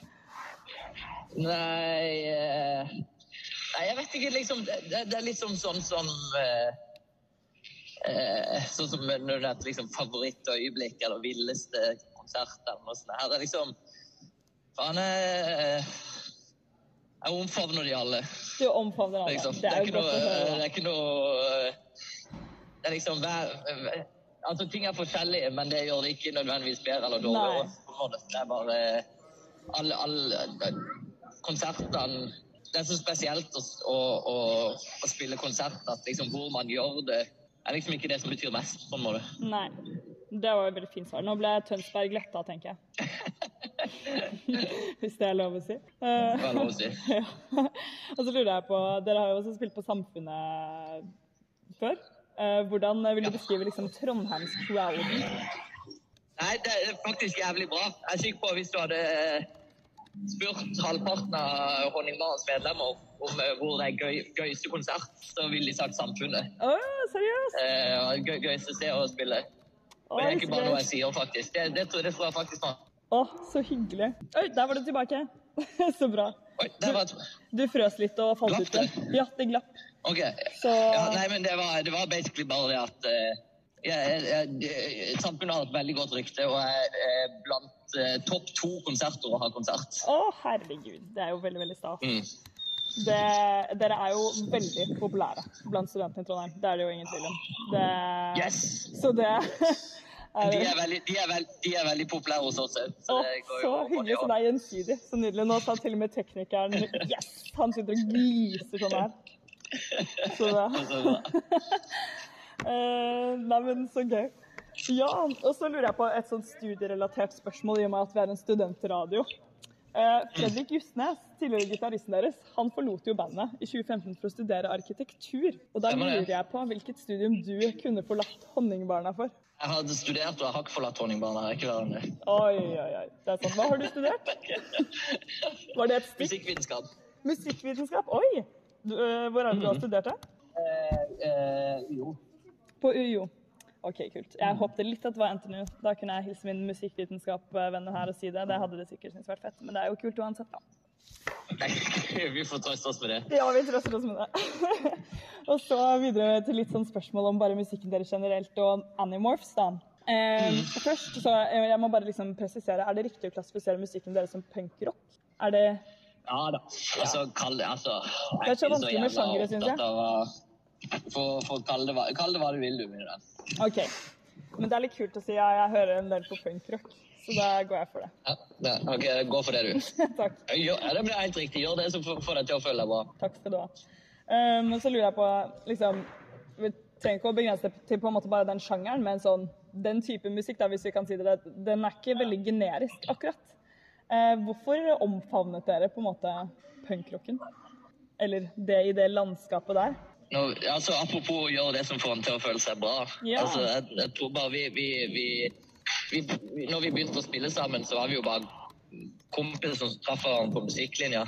Mm. og sånn, og, eh, og vet ikke, vi spilte jævla mye rart. Covra bare masse, masse greier og sånn i, i begynnelsen, som alle band må, for å liksom finne, finne sin eh, Hva man skal kalle det, fylle sin, sin greie. Og så var det og så var det liksom jeg vet ikke, punkrock vi syntes var gøyest. Mm. Det er kjempegøy, og det har jo faktisk altså sånn, Deres eh, band har jo veldig sånn, bred appell, egentlig. Virker det sånn, i hvert fall. Ja. og mange Ja, ja, typer forskjellige jo- fans, så det I hvert fall overraskende stor appell. Ja. Sånn. Eh, og litt eh, om Animorphs, så lurer jeg på Det eneste forholdet jeg hadde til Animorphs før eh, dere slapp ut denne skiva her, var jo på en måte de der bokseriene. Jeg vet ikke om du kjenner til dem, jeg. Jo, altså det er der det kommer fra. Det er der det kommer fra. Ja, fordi det, det var liksom spørsmålet, da. Hvorfor? Men hvorfor Animorphs? Hva betyr det, på en måte? Nei, det var eh, hele Hele den plata, altså Animals, handler mye om, eh, om forandring. Mm. Eh, og, og det at vi alltid, alltid forandrer oss. Eh, og at alt er, alt er i bevegelse. Mm. Eh, og da bare kom jeg på den. Jeg var aldri noe stor lesehest uh, sjøl. Men uh, min søster var det. Og hun hadde, hun hadde de Animal-bøkene. Ja. Og de, de, de coverne er bare legendariske. De er legendariske. Million dollar. uh, og det var Jeg Jeg husker bare skuffelsen av å se de coverne og bare synes det var dritkult Det å faktisk prøve å lese dem. Og det var kjempekjedelig, på Ja. at det var masse ord der. Ja, det er det. Eh, og, og, så det ble, eh, det ble med drømmen, det der. Men det, fikk, det kom meg til gode når vi skulle komme opp med eh, tittel på skiva og coverarten. Mm. Ja, det, det gjorde det. Og ja, det ser ut som dere har latt dere inspirere litt på den cover-arten også på plata. At det er en sånn bare derre øglefot, eller hva det er for noe. Som Det er faktisk en hønefot. Det er en hønefot, ja. Mm. Jeg tenkte kanskje det var øgle pga. Animorph-sangen, men skjønner, skjønner. En hønefot. Til en hånd. men det var sånn eh, og, det, og det er jo så, så eh, noe, som, noe som jeg liker veldig godt med de, med de bokhoppene, det er er ofte så lite kule dyr. Ja, det er Det til ei- mus, liksom. Ja, ja. Det, er bare sånn, det bare setter jeg jævla pris på. Det er liksom, sånn som man ser det for seg, liksom alle skal bli fuckings leoparder og ørner og løver og tigre. Liksom. Ja, ja. Men, eh, men den der eh, animorphen til liksom ja, ei høne eller et annet sånt her er liksom setter jeg, setter jeg jævla pris på. Ja, det er veldig kult. Jeg husker en av de hadde en som morfet inn til en delfin. Den satte jeg veldig pris på. For Da skulle vi liksom prøve å dra ut et sånn vertikalt menneske til en sånn horisontal delfin. Det ser jo helt morbid ut. Uff a meg. Det er veldig gøy på at det er liksom Når det kommer til liksom sjødyr, så er liksom Det er veldig sånn selektive situasjoner der det faktisk er handy, på en måte. Ja, det er sant. Det er sånn faen meg morfe til en delfin. Ja, håper, håper du ikke er født i Østerrike eller et eller annet sånt her, liksom. For det er bare Det er ikke noe ja. Det er du ikke vokser opp i et landlocked land og kan morfe til en delfin. Ja, Kjipe greier. Det hadde vært dritkjipt, faktisk. Ja, eh, apropos det med liksom, eh, hva skal man si, morphing, forandring sånn der. Føler du på en måte unge opprørske honningbarna begynner å bli litt mer eh, voksne? Kommer an på hva man legger i voksen, kanskje. Ja, jeg tenker kanskje litt på at Animorphs er liksom eh, skiller seg ganske mye fra en del av deres tidligere utgivelser, eh, i hvert fall. Er det noe på en måte, dere har tenkt over at dere kanskje vil på en måte lage litt mer sofistikert punkrock, eller hva man skal kalle det?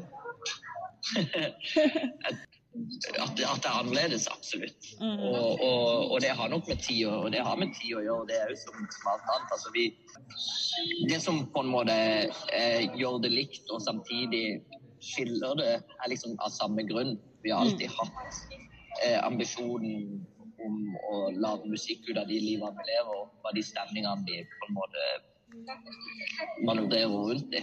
Mm. Eh, og, og prøve å være ærlige med, med hvilke lyder eh, livene våre rommer. da. Mm. Eh, samtidig er det jo nettopp dermed, Hvis man har den ambisjonen, så er det jo helt naturlig at, at eh, de lydene forandrer seg i takt med, med livene våre. Ja. Altså, takk og pris, jeg lever et annet liv enn når jeg var 17. Ja. Liksom. Og dermed er det, skulle bare være nat- helt naturlig at, eh, at det høres annerledes ut. For Ja, det gjør det. Livet mitt høres helt annerledes ut i dag enn det gjorde da jeg var 17. Mm. Og, og, og skal man kunne lage musikk med integritet, da, og ikke bare en jævla tegneserie, på en måte, liksom, og ikke bare bli en klisjé eller bli en tegneserie, så, Mm. så må man justere seg deretter, og så må man på en måte ta den sjansen. Mm. Og, og, og, da, og da vil det låte annerledes, liksom. Ja, ja. er Helt naturlig, uten at man på en måte Jeg vet ikke, det var sånn der, det frister å lide å lage konseptuell musikk. Ja. Og, liksom at musikken skal svare til en idé, ikke, det, ikke være fylt av det livet en, en faktisk har på en måte til å, å trekke på. Mm.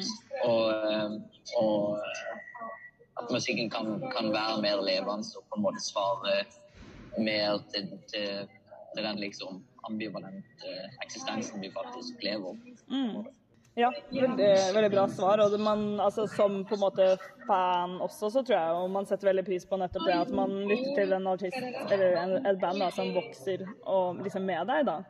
Og som endrer seg i på en måte takt med en selv. Det gjør vi jo alle. Ja. Så det Ja. Og ja, jeg er så lenge det låter, og- men så er jo trikset da å få det til å låte fett. Ja, det er jo det, da. Det har dere klart, da, vil jeg si. Veldig bra. Ja, takk for det. Takk for det. takk for det. Eh, veldig bra. Eh, og så lurer jeg på eh, En av låtene deres, eh, 'Avanti', eh, det er jo Jeg vet ikke om jeg skjønner helt teksten. Jeg vet ikke om den er ironisk eller hva den er. Den er i hvert fall veldig interessant. Men jeg lurer på liksom Hvorfor Avanti? Er det på en måte en allusjon til Mussolini, eller hva er grunnen til liksom det ord? Ja. Han var redaktør for den avisen. Det var før han ble fascist, da. Han hadde det sikkert alltid i hjertet sitt, da, dessverre. Men eh, hvor, hvorfor Avanti? Jeg bare skjønner ikke akkurat det ordet, liksom. Hva oppfordrer dere til der? Avanti Får håpe at ikke Mussolini har trademarka. Det betyr bare fremad, liksom. Opp, Ja. fremad. Eh, Ja. Eller fremover. Og, eh, og det, er bare, det, var, det er bare et jævla godt ord. liksom. Og så samtidig så var vi jo i Italia og, og spilte inn halvparten av den skiva der. Og, eh, og da, og da når man eh, når vi var i studio og liksom prøv, bare prøvde oss fram og lagde mange av de låtene, så sang jeg bare sånn italiensk gibberish. Okay. Eh, og var det bare for å liksom eh, ha, noe, ha noe å synge. Mm. Eh, og da var det var eh, Ferrari Rapido og BV Toro Rosso. Så, det var mye, mye, mye greier, men òg eh, Avanti, da. Ja. Og så, og det, så det, det bare det, det liksom ble. Eh, og så, eh, så kledde det bare liksom energien i den Mm. låta. Den der eh, på. Ja. Og den er nok på en måte Jeg tror alle bare tolker den så jævlig ironisk, men den er, ja, ja, det er humor, ja, men jeg, jeg tror jeg, er, den er mindre ironisk enn en mange tror. Ja, den er kanskje det. Ja. ja, for jeg diskuterte det med teknikeren i sted, for han var sånn Ja, den er jo veldig sånn positiv. Jeg var sånn Hæ, er ikke den ironisk? Liksom sånn, Jeg føler sånn Hele sangen er bare sånn at dere manifesterer masse sånne positive ting som har blitt veldig trendy nå. Jeg vet ikke om du har hørt om sånn manifesting? Jeg. Jo, jo, jo. Ja, ja, Nei, Jeg, er ikke noe sånn uh, Ikke noe sånn utprega fan av sånn der eh, quasi-mindfulness Nei. og New Age-piss. Men Ja. eh, for å få det egoistiske mennesket til å føle seg bra med å være egoistiske og sjølopptatte. Ikke noe sånn utprega fan. Men, eh, men nei, den er bare liksom Jeg vet ikke. Han, han er jo litt eh, Og det er jo litt av, jeg tenker det er litt av poenget med, med hele den plata, som du har vært innpå dette med at eh, Eller som vi har vært innpå med at eh, det, lå- det, det, det, det er ganske forskjellig, liksom Det er ganske stort spenn på, på plata Mm. over, over hvilke stemninger og, og, og hvilke sounder og sånn her. Og det er på grunn av at det er, det er livet òg, på en måte. Det er glede, det er ekstase, det er sorg, det er frustrasjon, det er aggresjon, det er destruktivitet. Det er liksom på grunn av at det er jo det livet rommer, på en måte. Og, og, og, og, og ja, det er òg sånn som i den. Eh, med den låta, så ja, ja, klart. Altså, det er naivitet og, og Hva skal jeg si? En, en sånn eh, dette ordner seg. Eh, type, type stemning. Og at man er en glad fyr. At man er en glad fyr. Av det er man òg av og til. Liksom. Det, det Eh, hender. og, og, og for min del, altså, jo eldre, jo eldre jeg har blitt, jo, jo mer har jeg egentlig på en måte blitt han fyren der. Så hyggelig å høre. Det er jo kjempebra. Det var jo bare en Ja, vi, er ikke, vi, er ikke, vi, er, ikke- vi, er ikke helt, i- vi er ikke helt i mål ennå, men, jeg, men jeg, jeg, prøver, jeg prøver i hvert fall. Ja, ja, ja. Jeg er på vei, og så var det jo også godt å liksom få unna det om det var en Mussolini-allusjon. Det trodde vi jo ikke, for det hadde jo på en måte honningbarna Da hadde honningbarna tatt en big turn. Ja, Men det gjorde Mussolini òg, for så vidt. Han var er anarkist først, han. det er det. Og da Avanti var en uh, sosialistisk uh, avis eh, før han ble Ja, det ser du. Så faktisk, så det er Ja, nei, foreløpig så er vi good, altså. så bra. Jeg håper, jeg håper det handler seg sånn.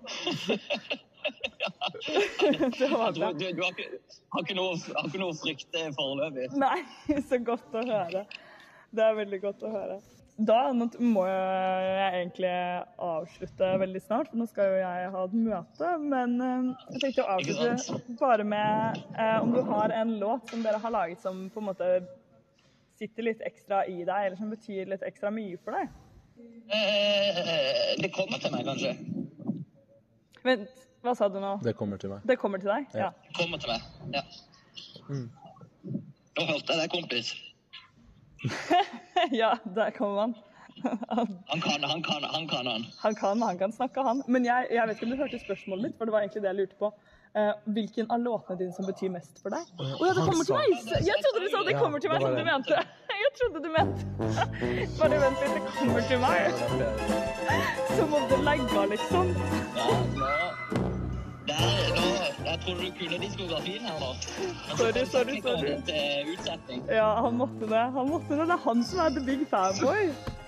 Jeg er, eh, jeg er supporter, eh, også en fan, men ikke hardcore sånn som han. Han eh, lo veldig mye av meg. Jeg hørte på skiva deres på vei til Trondheim, og da sovnet jeg. Og han sa jeg tror du er den første som har sovnet i Honningbarna. Men eh, Hvem er, hvem er, hvem er, hvem er, er teknikeren? eh, teknikeren han, skal du på gig på, på torsdag, kompis? Ja, Ja. det skal jeg. Jeg gleder meg til å se dere. ja, det skal jeg òg, da. Du, du, ok, men så bra. Du har billett og sånn her? Ja, ja. Vi skal begge. Vi så det var utsolgt i dag. Ja, ei. Ei, gratulerer. Hvis ikke Takk skal du ha. Så kunne du fått gjesteliste, tenkte jeg, men uh, Oi, oi, oi. Gud, så da løser det seg. Fy søren! Det er nærmere ikke verst. Herregud. Uh, ja, så bare lurte jeg på, helt på slutten, kan vi ta et bilde? Det vil si at vi smiler, og så tar jeg en screenshot av skjermen. okay. Vil du være med, Jakob? Ja, jeg med. Ja. Helt supert! Nei, men da ses vi. eh, Vi står der i crowden et sted. The real fan and the fake fan, apparently. og så Og så ses vi kanskje på Du skal, du, skal, du skal vel bare late som du er der du er? Ja, ja, ja, jeg skal bare Som du later som du kan honningbarn? Jeg skal bare synge på Fri Palestina. Hei, du name-droppa jeg hadde låt. Yes, ha det bra. Tusen takk for intervjuet. Vi snakkes. Ha det. Ha det godt. Ha det. Hei, jeg heter Amanda Delara, og du hører på Nesten helg. Og nå er det jo faktisk eh, nesten helg. Vi skal egentlig bare kjapt avslutte. Marie, hva er det du skal i helgen? I helgen så skal jeg på Bakgårdsfestival først, og så har jeg jobbhelg, rett og slett. Og så må jeg bare si herregud, Edvard fra Honningbarna, han er så søt. Ja, veldig gøy intervju. Ja, og jeg elsker han. Hva med deg, Nora? Hva skal du? Eh, Titt innom Bakgårdsfestivalen, og så er det en slags sånn festival på Svartlamoen som jeg skal titte litt innom. Eh, se litt hva som skjer. Titt ut fra, titt ut fra soveromsvinduet, kanskje? Yes, din nye yes, yes, yes. Jeg tror faktisk det blir veldig mye De har satt opp flere scener, så jeg tror faktisk det blir veldig gøy. Så vil jeg tipse om å stikke innom der. Det kommer jo faktisk ikke til å bli annonsert, for det er litt sånn der er- low-key. Okay, shit, They keep it on the down low, down Ja, et Black Lay Mo. Og så har min mormor eh, bursdag på søndag, så jeg er litt sånn i tankeboksen. Jeg, må fi jeg skal finne på noe hyggelig til henne. Det må du Ja, det må du gjøre. Hva med deg, Sandra? Eh, Jeg skal også rusle innom Bakgårdsfestivalen en tur. Som alle andre som hører på, også gjør. Kan også hilse til nye lytterne jeg rekrutterte i dag, Martin. Hei, Martin. Hyggelig at du hører på. Eh, og så blir det jo å finne på noe å gjøre med fadderbarna mine. Ja. Hva Skal skal det på være, da? Nei, det er det, da. Så skal vi ha faddernes fest i morgen og rocketema. Og i dag tørner vi absolutt alle fadderbarna på Bakgårdsfestival. Ja, det er det vi skal gjøre, da. Vi skal rusle inn på Bakgårdsfestivalen, og så skal vi crashe ned! Ta over scenen. Ja. Eh, så det er det jeg har tenkt å gjøre med fadderbarna. Og på søndag så har jeg fotballtrening. da. Ny ja, uttakstrening fordi til nå, nå spiller du fotball. Gjorde du det før òg? Det gjorde jeg også fast før, eh, på Baldura, laget til psykologi. Men Baldura, ja. Ja, fordi ban Bandura. Bandura, ikke sant? Takk Håkon Eriksen for det dårlige ordspillet der. Og Nei, så Nei takk til Håkon Eriksen. Ja, egentlig nei takk til Håkon Eriksen for den. Og Nei, og så er det. Det er det som er. Det er uttakstrening nå, så da må jeg steppe opp gamet mitt litt. Grann. Selvfølgelig. Hva med deg, Mr. Technician? Hva skal du Ja. gjøre i helgen? Hvis du har lyst til å si det til oss. Uh, jeg skal ta en kikk innom Bakgårdsfestivalen, En tenkte jeg. liten kikk, ja. Ja, en liten Er det ingen av dere Ja, som skal liksom være på Bakgårdsfestivalen? Jo, jeg skal jo være på den, det skal jeg jo. Uh, Så I hvert fall. Skal være på scenen, du. Jeg om. Skal jeg, om jeg skal på scenen? Ja, Mm. Det hadde jeg betalt så mye ja, for å se Jakob på ja, tydeligvis skal jeg på scenen også. Skal ta over for han ene i Sloppy som hadde litt sånn dårlig stemmebånd i dag. Ja, men Ja. hvis du skal være på scenen, da må vi kjøre et intervju med deg òg. Ja, ok. Hei! Eh, Hva, først, hva heter du? Hvem er du? Eh, Jeg heter Jakob, og jeg er eh, radiotekniker for eh, Radio Revolt. Hvorfor, har vi, hvorfor vil vi se på deg i dag? Se på meg. Ja, når du skal spille? Og hva spiller du? Eh, nei, fordi jeg har en fantastisk sangstemme, vel. Og jeg er flink til å skrike også. Kan vi høre litt? Nei. Vi pleier å spørre Kom med beste Kom, kom blindtarmhyl. Ja, jeg kan ikke bli helt for utslitt i stemmen, ikke sant? i tilfelle jeg må opp på scenen etterpå. Ok. Si- Ja. Sivilstatus? spørsmålstegn. Uh, jeg er uh, ikke singel. Han er jo singel, han er jo et band. Har du mange groupies? Hva er groupies? Oi, oi, oi, hør på playerne, Oi, jeg veit ikke hva det er! Ja. I virkeligheten er jeg bare en noob, du er level 1000. Jeg er bare en nooben du er OK, det Nei. Det var Jakob Dessebro som sa eh, ja, jeg tror nesten at vi bare må runde av der, altså, for det der er eh, ikke noe å høre på. Men Og da er det én ting å si. God helg!